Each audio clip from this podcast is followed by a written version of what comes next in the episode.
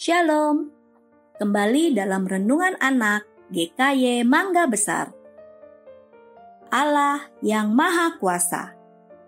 Kejadian 17 ayat 1 sampai 22. Teman-teman, untuk sekian waktu lamanya Allah tidak menyatakan diri kepada Abram.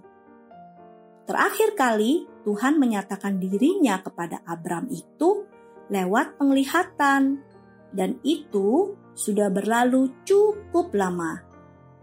Tahukah kalian sudah berlalu berapa lama? 13 tahun teman-teman. Selama 13 tahun, Abram hidup dengan memegang janji yang Allah berikan kepadanya. Ketika Allah berdiam diri, mungkin Abram bertanya dalam hatinya, kapan ya Tuhan akan menggenapi janjinya? Apakah mungkin keturunanku akan menjadi bangsa yang besar, diberkati, dan bisa hidup takut kepada Allah seperti janjinya? Kalau iya, lalu bagaimana caranya?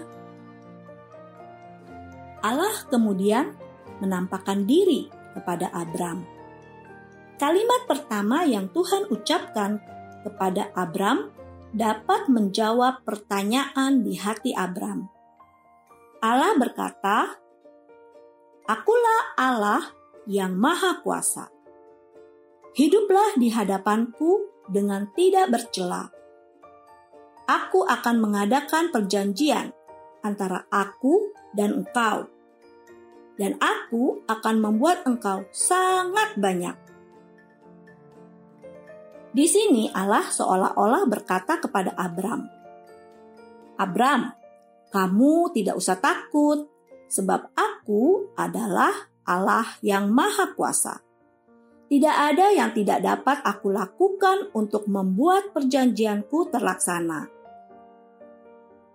Keturunanmu akan banyak, seperti bintang di langit dan pasir di laut, dan kamu akan melihat perbuatan tanganku yang ajaib itu. Yang perlu kamu lakukan hanyalah hidup kudus, taat, dan setia, menantikan perjanjian itu digenapi. Selanjutnya, Abram menjawab janji firman Tuhan dengan sujud menyembah Dia. Dengan sujud menyembah kepada Allah yang Maha Kuasa, itu berarti Abram percaya bahwa tidak ada yang mustahil bagi Allah.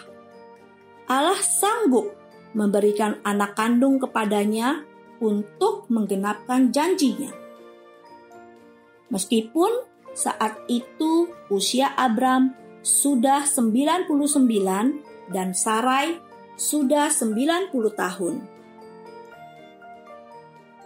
Kemudian Allah juga mengganti nama Abram menjadi Abraham, yang berarti bapa segala bangsa. Sedangkan Sarai menjadi Sarah, yang berarti ibu segala bangsa. Setelah itu, Allah membuat tanda perjanjian dengan Abraham, yaitu dengan sunat. Setiap laki-laki harus disunat. Bahkan budak yang dibeli dan para budak yang lahir di rumah Abraham pun harus disunat. Semua bayi laki-laki harus disunat pada hari ke-8. Jikalau ada laki-laki yang tidak mau disunat, ia harus mati karena ia telah mengingkari perjanjian dengan Allah.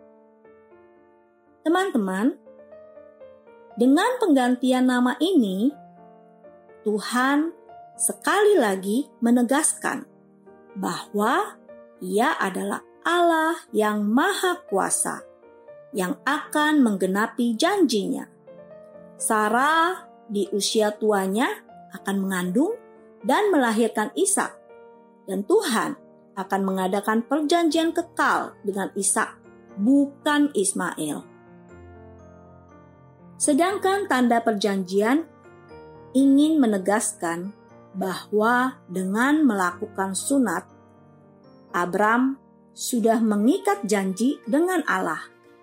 Abram beserta segala miliknya dan keturunannya adalah kepunyaan Allah. Oleh karena itu, Abraham dan orang-orangnya harus hidup taat, kudus, dan setia kepada Allah. Teman-teman, seperti yang kita tahu, Abraham pada akhir hidupnya tetap percaya kepada Allah yang Maha Kuasa dan dengan setia berpegang kepada janji Tuhan, sehingga ia disebut sebagai Bapa orang beriman. Bagaimana dengan kita, teman-teman? Sebagai anak-anaknya Tuhan, sudahkah kita percaya Allah kita adalah Allah yang Maha Kuasa? Kita mungkin sering mendengar cerita sekolah minggu yang mengatakan bahwa Allah kita itu penuh kuasa, atau lagu sekolah minggu yang mengatakan Allahku berkuasa, hebat, dan kuat.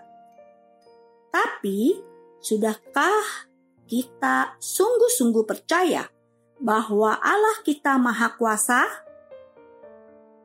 Jikalau kita sungguh-sungguh percaya bahwa Allah kita adalah Allah yang Maha Kuasa, maka kita akan hidup mengandalkan Tuhan. Karena kita percaya Tuhan berkuasa menjaga dan memelihara kehidupan kita. Dan segala sesuatu yang terjadi dalam hidup kita saat ini ada dalam kuasanya Tuhan. Teman-teman, kiranya Roh Kudus boleh menolong setiap kita untuk mengenal dan percaya kepada Allah yang Maha Kuasa. Amin. Tuhan Yesus memberkati.